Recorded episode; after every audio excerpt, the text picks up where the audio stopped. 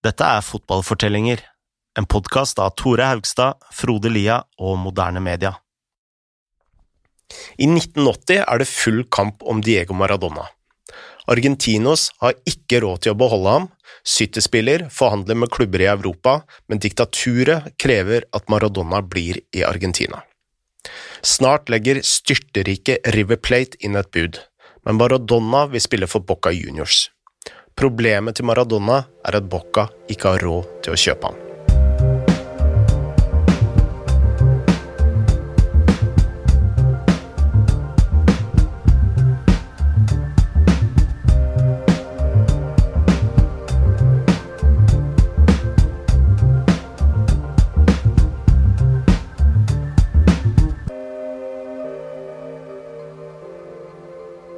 Før vi kommer til dragkampen mellom River og Bocca, bør vi si at eh, Maradona faktisk kunne ha endt opp eh, i Sheffield United. Ja, i 1978 fløy Sheffield-treneren Harry Haslam faktisk til Argentina for å prøve å kjøpe Maradona. Dette var en eh, rar sak. Sheffield rykka ned til tredjedivisjon i 1979 og burde ikke ha hatt en sjanse til å hente en av verdens største talenter.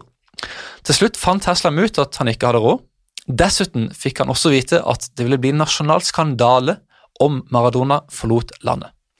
Ja, for det var jo flere europeiske klubber som jakta Maradona. Juventus var interessert i 1979. Samme år hadde også Barcelona begynt å forhandle med City-spiller, som selvsagt ville melke overgangen for alt den var verdt, men eh, Omtrent alle som bestemte over argentinsk fotball, hadde ulike årsaker for å tviholde på Diego. Absolutt. Dette var ikke en tid hvor uh, omtrent ethvert argentinsk talent ble sendt rett til Europa. Av spillerne som hadde vunnet VM for Argentina i 1978, var det kun Mario Campus som spilte utenfor Argentina. Maradona var blitt en så stor nasjonal skatt at El Grafico faktisk skrev en leder som krevde at han ble i landet. En annen som ville ha Maradona i Argentina, var Menotti. Det var lettere for ham å trene landslaget om alle spillerne var basert hjemme. Det var ikke så nøye hvilken klubb Maradona dro til, så lenge den var argentinsk. Det samme mente også Videlas diktatur. De utnytta jo Maradonas popularitet til å samle støtte for regimet, noe som ville bli langt vanskeligere om Maradona spilte i utlandet. I boka til Jimmy Burns sier en kilde at romerne brukte sirkuset, mens Argentinas militær brukte fotballen. Dette førte til at en rekke direktører og mellommenn mellom militæret og fotballen trakk i trådene for å sørge for at Maradona ble i landet. Argentinos eh, hadde allerede fått 400 eh, 000 dollar fra fotballforbundet, slik at eh, de kunne betale Maradona nok det var jo ganske utrolig at et eh, fotballforbund gir en nesten halv million dollar eh, som en slags gavepakke til én klubb. Ja, det, det, er spesielt. Eh, det skjedde også noe annet rart her. Um, presidenten i Argentinos var Prospero Consoli, en korporal i militæret. Han hadde også roller i det statlige oljeselskapet YPF og det statlige flyselskapet Austral. Dette var en sånn typisk fyr som hadde litt sånn, ja innflytelse på både i, både i staten og på fotballsida. Da Argentina sleit med å betale Maradonas kontrakt, hadde Consoli overført 250 000 dollar fra Austral til Argentinos. Dette var altså rene skattepenger som gikk rett i lomma til Maradona. Men til slutt ble altså Maradona for dyr for Argentinos. Og siden de ikke kunne selge til utlandet, var det logisk at han dro enten til River eller Boca, de to største lagene i Argentina. River sa de ville gjøre Maradona til den best betalte spilleren, men Maradona han ville til Boca. Ja, Maradona hadde egentlig ingen spesiell tilknytning til Boca fra barndommen av, men Bocas identitet var som skapt for han. Boca ble stifta av italienske immigranter, og Maradona selv hadde jo italienske røtter. Boca holdt til ved det fattige havneområdet i Buenos Aires kalt La Boca, og Maradona var sjøl fra et fattig strøk. Bocca var klubben for mannen i gata, og det ga jo fullstendig mening at Maradona ville spille der. Samtidig sto River for det helt motsatte. River holder til i et mye penere strøk i nord i Buenos Aires, og de representerer overklassen og spiller på El Monumental, en stor og åpen stadion som ligger blant uh, flotte avenyer. Kallenavnet til River var for øvrig Millionærene. Maradona var fast bestemt på at han ikke skulle dit. I tillegg hadde du denne stadion eh, tilbake som heter La Bombonera, som er skvist inn blant disse fattige eh, gatene helt ved, i havneområdet. hvor det liksom er... Ja, Med masse skur rundt. ja masse skur og tettpakka og veldig lidenskapelig og sånn, og dette er jo akkurat det Maradona elsker med fotballen. Dessuten husker Maradona en annen episode fra tidligere i livet sitt. Vi husker jo at han showa i pausen under disse kampene i toppdivisjonen da han var gutt. En gang showa han i en kamp mellom Argentinos og Boca. Fansen til begge lag begynte å klappe i takt med triksinga. Og da spillerne kom ut på banen til andre omgang, sang fansen om at Maradona måtte bli på banen. Dette var noe Maradona aldri kom til å glemme, og han skrev senere da at han allerede følte at han kom til å spille for Boca. Problemet til Maradona nå var at Boca ikke eide nåla i veggen. Og alle visste at Maradona ikke kom til å bli billig. Bocca hadde ennå ikke bydd på ham, så en dag tok han saken i egne hender. Han sa til en avis at eh, han hadde blitt ringt opp av Bocca, noe som eh, fikk det til å se ut som Bocca kom til å snappe ham opp eh, foran River. Samme ettermiddag skrev avisen at Maradona var på vei til Bocca. Dette la press på Bocca til faktisk å hente ham, og snart begynte Bocca å sette sammen en plan. I februar 1981 spilte Maradona en kamp mot River i Copa de Oro, en slags vennskapsturnering på den argentinske sommeren. Der ble han hekla eh, av eh, River-fansen, som nå visste at han ville til tilbake, og det gjorde han jo enda mer bestemt på at han ikke skulle til River. Samme måned gikk Maradona for å se en kamp i et eh, slags VM for barn. Kampen ble holdt på Estadio Monumental, hjemmebanen til River. Der ble flere av vennene hans eh, nektet adgang til VIP-tribunen, og han fikk eh, kun ta med seg Claudia. Og Dette var jo en eh, oppskrift på bråk. Etter et par minutter begynte en direktør i boksen å rope på Maradona. Hva gjør du her, Bostero? Bostero er da kallenavnet til Boca-fansen. Maradona snudde seg rundt og begynte å slåss med direktøren. Han og Claudia ble kasta på dør. På vei ut sa Maradona at han aldri kom til å vende tilbake til River. Etter lange forhandlinger eh, fikset Bocca en eh, stor avtale for Maradona. De betalte en eh, klekkelig sum for å hente ham på lån og sendte fem spillere motsatt vei. Maradona ble lovet en fet fortjeneste, men Bocca omgjorde faktisk pengene til leiligheter. Og de var så falleferdige at de var helt umulig å selge. Maradona sa de i praksis var laget av papp. Men eh, Maradona han brydde seg ikke så altfor mye, for eh, han var endelig klar for eh, Boca. Da som nå var Boca et av de store, to store lagene i Argentina. De hadde vunnet Copa Libertadores, altså Sør-Amerikas Champions League, i 1978, men de hadde ikke vunnet en ligatittel på fire år. I 1980 hadde de kommet på delt sjetteplass i Metropolitano og blitt nummer fem i sin gruppe i National. Dette var ikke et lag som hadde alt på stell. Som del av overgangen ble det holdt en vennskapskamp mellom Argentinos og Bocca, hvor Maradona spilte én omgang for hvert lag.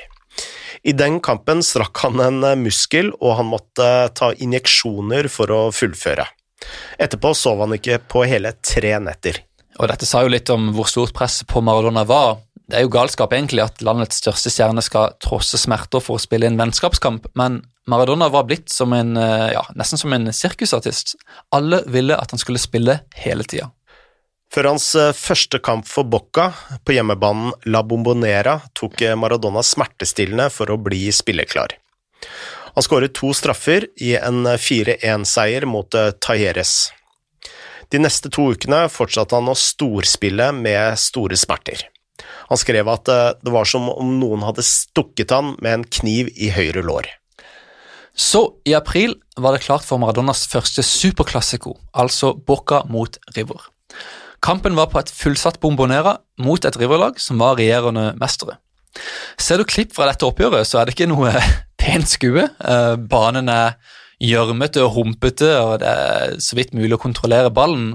Og selvfølgelig, siden det er superklassiko, så er det jo ampert omtrent hele tida. Halvveis ut i første omgang fikk begge lag en mann utvist, Kamprapportene skriver om kriminelle taklinger på Maradona, men han kom seg opp uten å klage og eh, ja, gikk på med, med fullt mot. Etter pause skåret eh, Bocca to mål via angriperen Miguel Angel Brindisi. Så tok Maradona ned et eh, innlegg fra høyre. I stedet for å skyte, eh, spaserte han faktisk rundt keeperen og en forsvarsspiller og la ballen rolig i nettet. Arranca con todo por derecha y atrás viene Maradona para el tercero. Siempre Córdoba. Se frena, se demora. Permite que se acomode River. Viene para Maradona. La domina cara a cara. Escapa. Ta, ta, ta, ta, ta, ta, ta, ta, ta, ta, que sea, que sea, que sea. Gol, gol, gol, gol, gol, gol, gol, gol, gol, gol. Gol. Gol. Gol Boca. Maradona.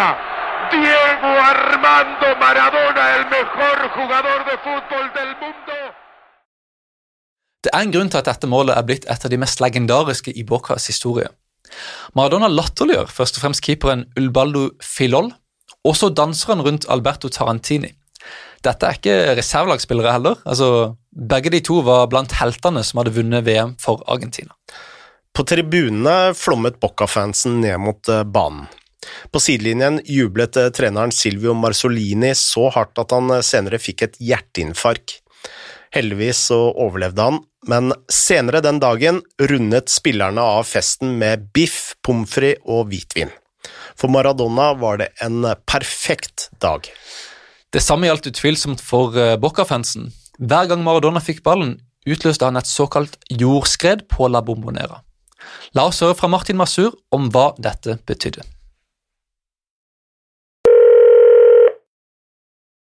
we like to say uh, uh, avalanche, you know, like in the mountains, but the avalanche of the fans in La Bombonera were because there were so many people, the stadium was so packed that every time Maradona was closer to the box, you could see from behind all the people coming down, you know, because they were hoping that he could take a shot or something. And, and perhaps he was a dummy and he, he just made a dribble, but without the shot. But uh, the, this, the thing is that when you were at La Bombonera and La Bombonera was so full of people, uh, more than its capacity, so the people were uh, were not even standing they were like leaning it was a, a sea of people you know it's like a wave.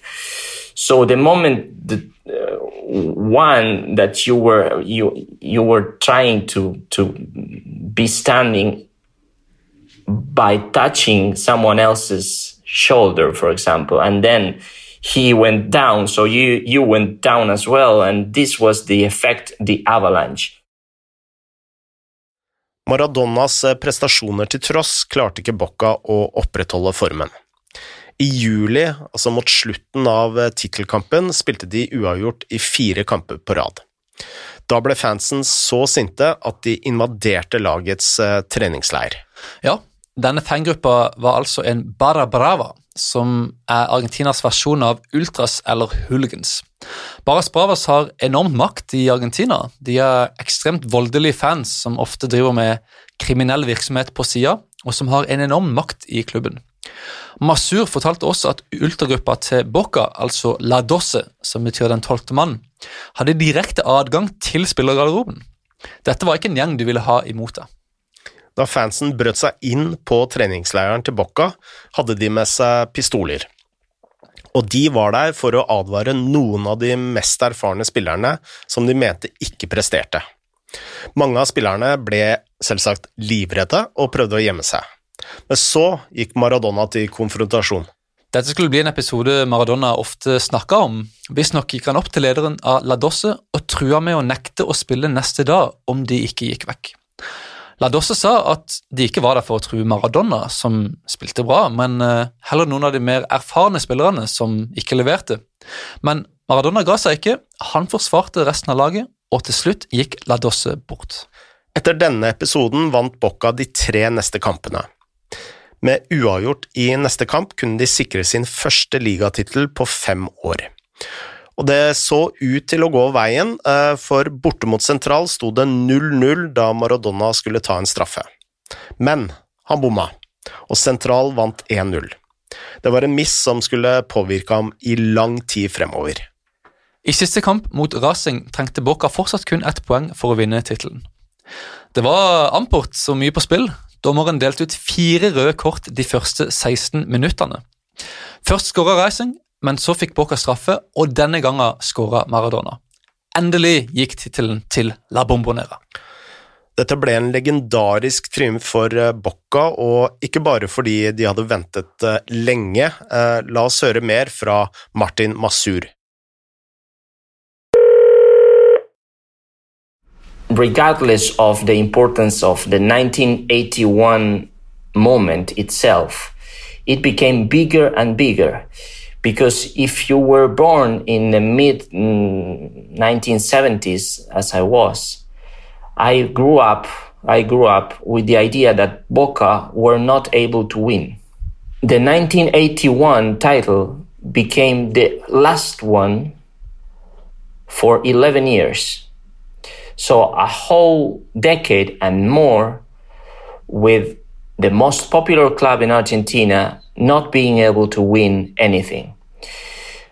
This, of course, even created a, a, a bigger, you know, like influence of, well, the, the last one that could win something for this club was Maradona, because otherwise it was like a jinx, you know, uh, Boca still had the money to buy good players and so on, but they didn't win. Etter tittelen eh, trengte Maradona pause. Han eh, hadde vært igjennom noen beinharde måneder med kamper, spekulasjoner og ikke minst skader. Men nå var det duket for nasjonalturneringen, og i tillegg til det var Bocca tvunget til å spille vennskapskamper. Ja, Bocca var lutfattige, eh, spesielt nå som de hadde kjøpt Maradona og den beste måten å tjene penger på var å spille vennskapskamper. Allerede i løpet av Metropolitano-sesongen hadde de spilt flere av disse, som i seg selv var sprøtt. Altså, Metropolitano hadde jo bydd på 34 kamper fra februar til august. Nå som denne turneringa endelig var over, så tok ikke Boca den pausen som spillerne, og spesielt Maradona, så sårt trengte. Som et band på turné spilte Bocca vennskapskamper i Mexico, Spania, Italia og Frankrike. Ofte var det et krav at eh, Maradona spilte. Selv da nasjonalturneringen var i gang, fortsatte de med dette. De hadde for eksempel ligakamper 4. oktober og 11. oktober. Mellom de to kampene spilte de to vennskapskamper i Elfenbenskysten. Som er fullstendig galskap. Eh, da Bocca landa på flyplassen i Abidjan, som da er hovedstaden i Elfenbenskysten, hadde mange folk møtt for å hylle Maradona, og det var jo dette som, som ga pengene til, til Boca. En av tingene Maradona huska best fra den turen, var en liten gutt som kalte ham Pelosa. Dette var kallenavnet Maradona hadde hatt som gutt. Han var sjokkert over at en liten gutt fra Abidjan kunne dette navnet, og det fikk han jo liksom til å innse da, at, at, han virkelig var blitt en, en global, verdens, eh, global, stjerne. Snart eh, begynte Maradona å gi etter for eh, presset. Han eh, var lei av intervjuene, og da Boccas direktører anklaget eh, spillerne for å ikke gi sitt beste, gikk Maradona på et TV-show og sa at kun en idiot kunne ha sagt noe slikt. Bocca vant sin gruppe i nasjonalturneringen, men tapte i kvartfinalen mot eh, Velez. I siste kamp ble Maradona faktisk utvist. Ja, og det var jo en, eh, en konsekvens av at Maradona hadde, var utslitt både fysisk og mentalt. Og det var ikke rart. Totalt spilte Boca 78 kamper det året, hvorav 28 var vennskapskamper. Dette var galskap, men på nyåret gikk de løs på en ny turné. Boca spilte i Los Angeles, Hongkong, Kuala Lumpur, Tokyo, Mexico og Guatemala. Og hele tida forventa alle at Maradona skulle spille. Som om ikke det var nok, gikk Argentina snart inn i en lang treningsleir for å forberede seg til VM i 1982. Hele landet forventa at Maradona skulle føre dem til tittelen. Men de neste ukene forsvant Maradona. Han hadde rett og slett fått nok.